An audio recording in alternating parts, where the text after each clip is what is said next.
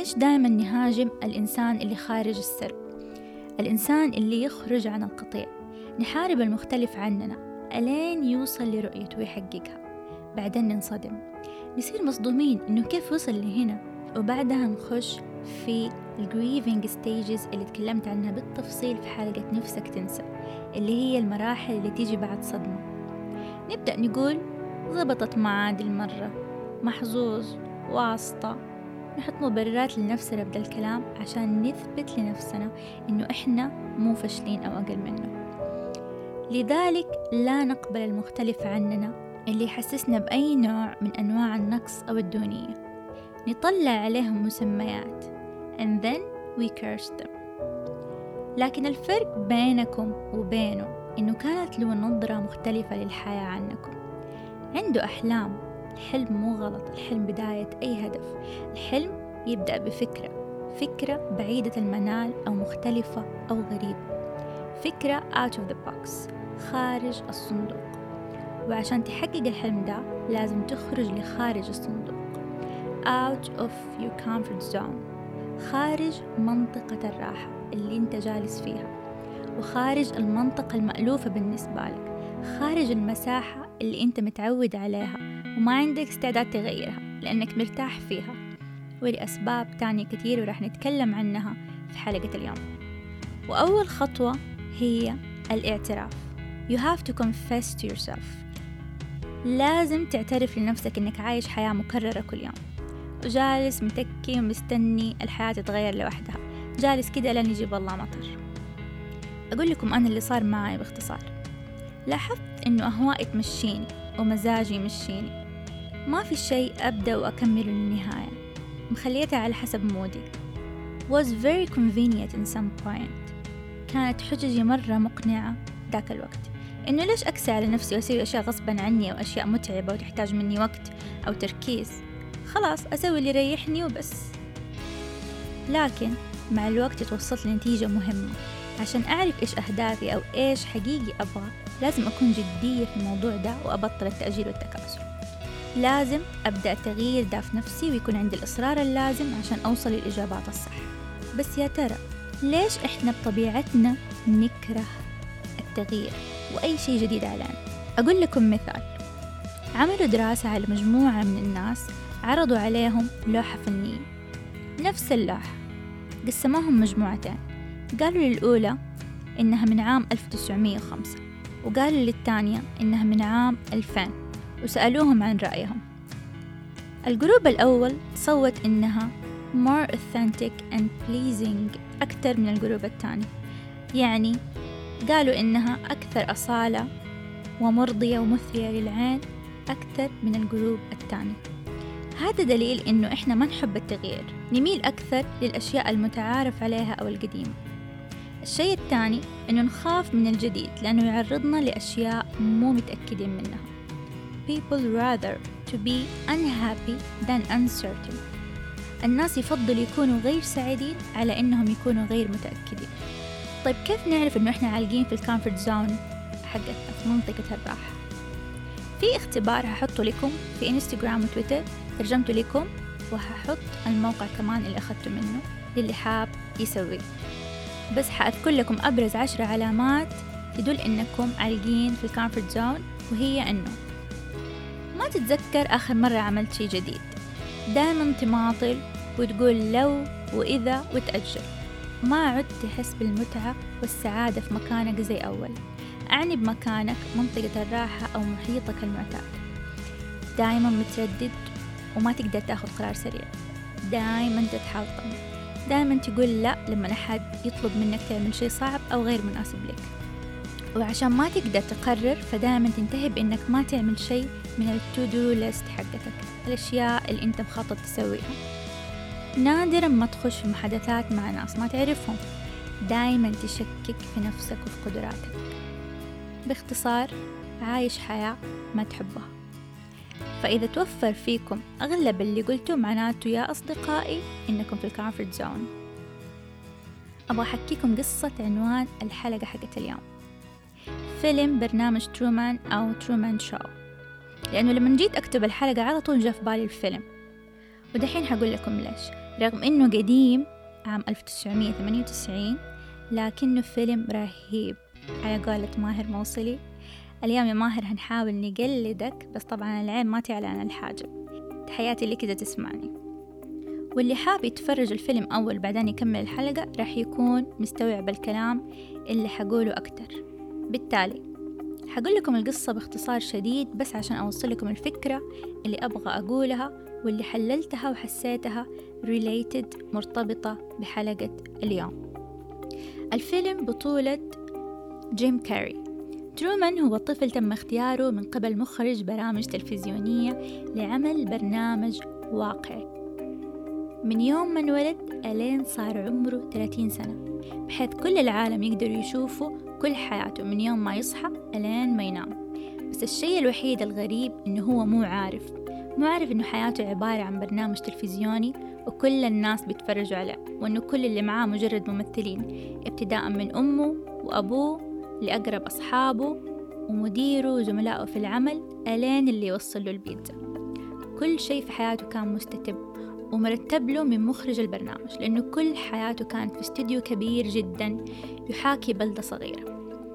وكل شيء اترتب بحيث أنه من هو صغير عززوا فيه كل أنواع الفوبيا من البحر من الطيران وقتلوا فيه حس المغامرة حتى ما يتجرأ ويخرج من البلدة أو حتى يفكر يسافر. ألين جاء يوم وحس إنه في شي غريب قاعد يصير. كل يوم زي اللي قبله بالضبط نفس الوجوه نفس التحركات كل يوم نفس الشيء. قرر إنه يبغى يسافر للمكان اللي بيحلم فيه. بدأ يفكر ويستشير الناس ولكن بيأجل كل يوم. واللي حوالينه من زوجته لصاحبه المقرب يحبطوه ويقولوا له طيب وظيفتك؟ طب الفلوس؟ طب لازم تجمع إحنا مو مراهقين لازم نخطط. ألين في يوم قرر يسافر بالسيارة. وصارت حالة استنفار في الاستوديو من طاقم الممثلين والمخرج وقدروا يتجاوزوا اليوم والموقف لكن ما استسلم. تاني يوم فجأة قرر يسافر بدون أي ترتيب وراح مكتب للسفر والطيران. وما لقيوا له حجز قبل شهر. طبعا هذا كله مرتب له وهو يخاف من البحر. وأنا هعمل لكم تشويق للفيلم. اللي حاب يعرف بالتفصيل إيش صار وإيش عمل والتحديات عشان يطلع يتفرج الفيلم. لكن في نقطة حابة أذكرها. لما كان يحاول يطلع والمخرج يحط قدامه كل أنواع التحديات صار ترومان يزعق ويقول Is that the best you can do؟ هل هذا أفضل ما عندك؟ كأنه كان يتحدى المخرج والحياة وما كان هامه ألين جات اللحظة اللي بيكي خطوة ويطلع من العالم اللي فيه ووقف كده دقيقة اضطر المخرج يتكلم عشان ما يخليه يطلع وقال له أنت خايف عشان كده ما حتقدر تطلع قال له صدقني ما في شي برا أفضل من اللي صنعته عشانك. لكن ترومان قدر يطلع وكان true man to himself leaving his child self behind. قدر يصير رجل حقيقي وصادق مع نفسه وقدر يتخلى عن الطفل وراه وياخذ خطوة جريئة نحو المجهول. لما سألوا المخرج كيف للآن ترومان ما قدر يكتشف حقيقة عالمه؟ قال إنه هو تقبل حقيقة العالم اللي إحنا صنعناه له. سألوه كمان ما عمرك حسيت بالذنب إنك حابسه في عالم افتراضي واخترت له كل شيء في حياته؟ قال أنا أعطيته الفرصة إنه يعيش في عالم طبيعي ومن المفترض عالمنا يكون زيه. قالت المذيعة هو مو ممثل هو مسجون. قال كان ممكن يطلع في أي وقت لو هو أصر وكان عنده الطموح الكافي. ما عمره كان أحد هيقدر يمنعه. لكن ترومان prefer his cell. لكنه فضل سجنه. النقاط اللي بحاول أوصلها لكم من قصة الفيلم. دائما كان قدام ترومان إشارات إنه في شيء مو تمام لكنه اختار يتجاهلها أو لقى لها مبررات أو قرر يقتنع بكلام الناس له. دائما إحنا شايفين كل شيء حوالينا لكن مو ملاحظين كل شيء حوالينا. يعني مو مركزين في ولا شيء.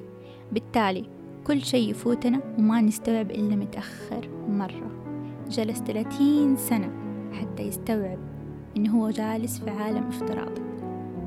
ترومان لما انعرض كان كل العالم يتابعوه بكل التفاصيل ويتأثروا ويبكوا معاه We found comfort in others' life. أحيانا ننغمس في العالم الافتراضي وال social media أكثر من حياتنا وده غلط فادح. كمان نقطة. غالبا نعتقد إنه دام كل شيء تحت السيطرة معناته إنه ما في شيء fake مصطنع أو وهمي. لدرجة إنه ترومان عاش طول حياته بممثلين وفاهم. يا ترى كيف تبى تعرف الطريق اللي ماشيه صح أو خطأ إذا أنت ما جربت كل الطرق؟ بدل ما تضيع وقتك في التساؤل take that leap and do it. خذ القفزة الجريئة وجرب. وآخر نقطة وأهم نقطة وهي رأيي الشخصي وتحليلي للفيلم. ترومان كان عايش حياة روتينية بحتة لكن كان عنده أحلام وطموحات وأشياء كتير حاب يسويها بس كان في شيئين يمنعه. الأول إحباط اللي حوالينه من صغره حطوا قدامه كل العقبات ألين ما كبر خلاه يمشي على طريق واحد بس وبكل الطرق ما يبغوا يمشي في طريق غيره. بالتالي البيئة والناس اللي حوالينا والنفوذ اللي منحناهم هو على تفكيرنا وقدراتنا السبب الأول. الثاني كل ما كان يحس بحماسة للتغيير كانوا يلغوا له الفكرة بمحاولة إرضاء بسيطة. مثلا لما بدأ يهمل في شغله ويركز على أشياء تانية وصلوا له إنه لازم يركز لأنهم بدأوا يستغنوا عن بعض الموظفين وإنه ممكن لو شد حيله يترقى. فكان دافع له إنه يخاف ويركز وكان تشتيت له عن أهدافه التانية وطموحاته. بالتالي الخوف هو السبب الثاني.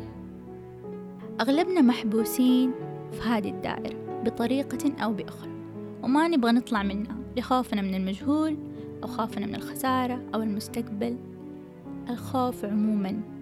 وما نبغى نغير اللي متعودين عليه عشان حاسين بأمان فيه. رغم الرغبة والفكرة في التغيير.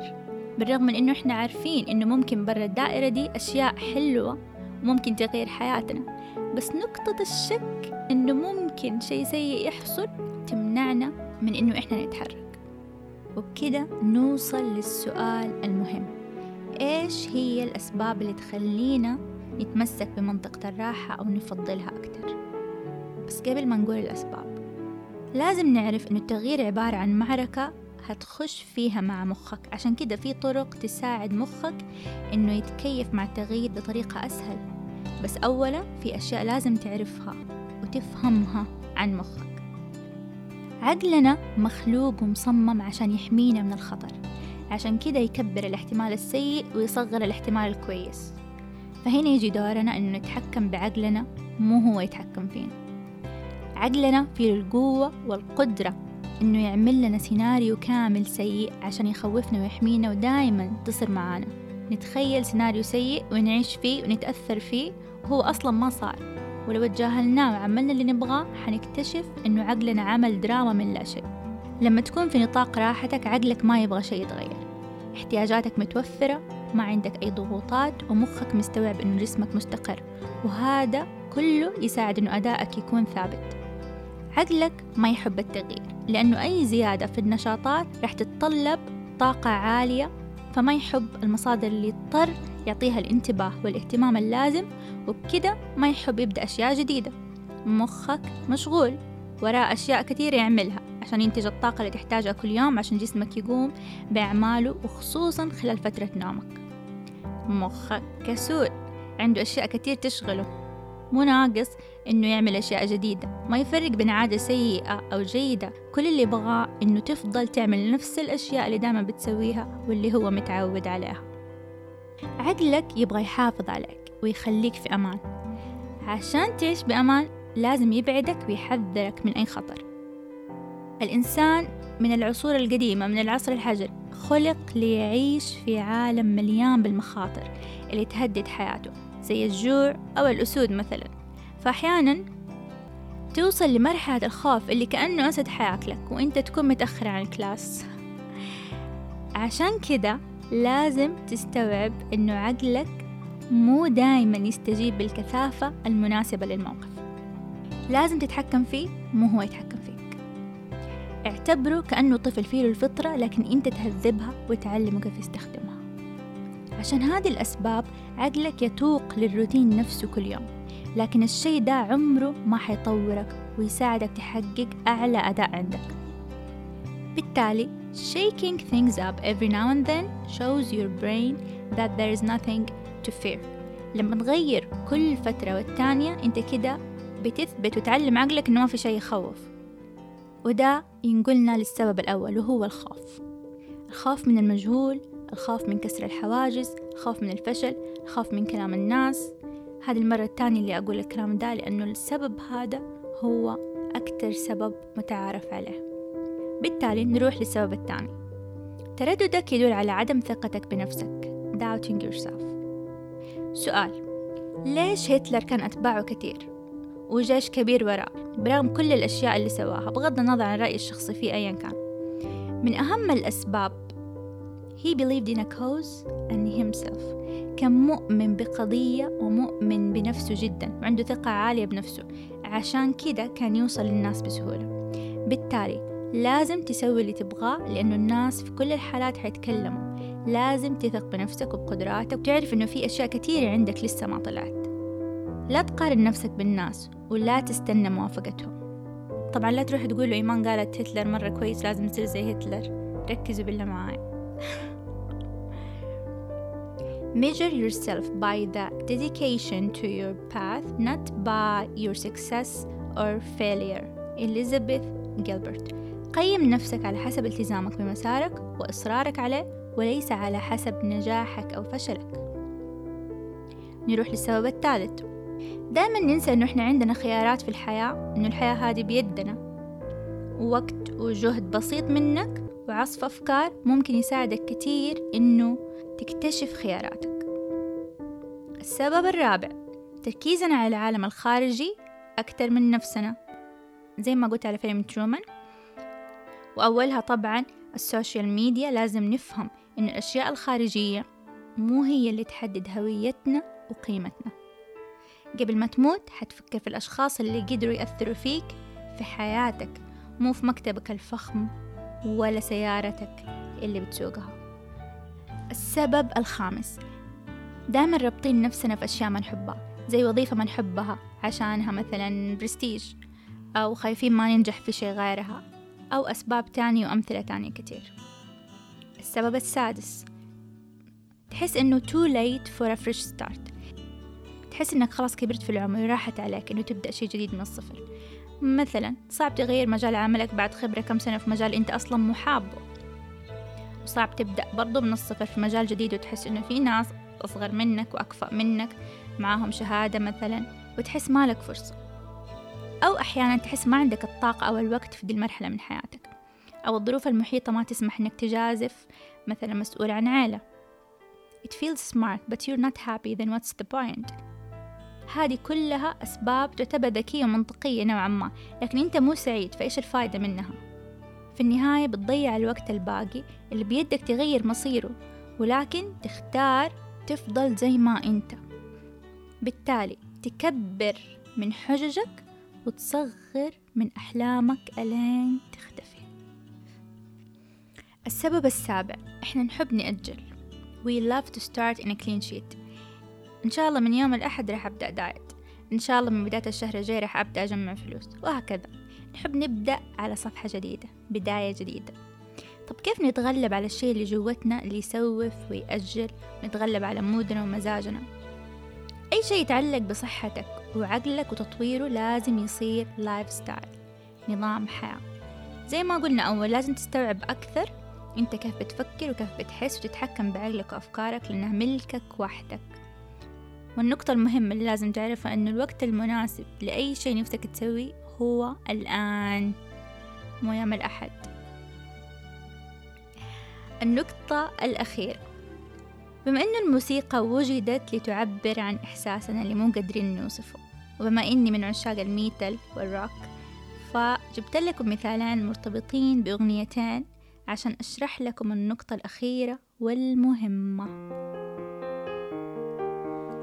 أحيانا نتألم من شيء ألين ما نخليه يستحوذ علينا تماما. ونفكر بكده إنه إحنا في منطقة الراحة والأمان. في أغنية ل 3 Days Grace اسمها pain الألم. يقولوا فيها pain without love. Pain I can't get enough. Pain. Cause I rather feel pain than nothing at all. معناها ألم بدون حب. لا أستطيع أن أكتفي من الألم. لأني أفضل الشعور بالألم عن الشعور بلا شيء على الإطلاق. وهذه الحالة عقله الباطن يخليه يحس إنه الألم هو الشيء الطبيعي صار والشيء المتعارف عليه وأي شيء غيره يعتبر مجهول وخطر.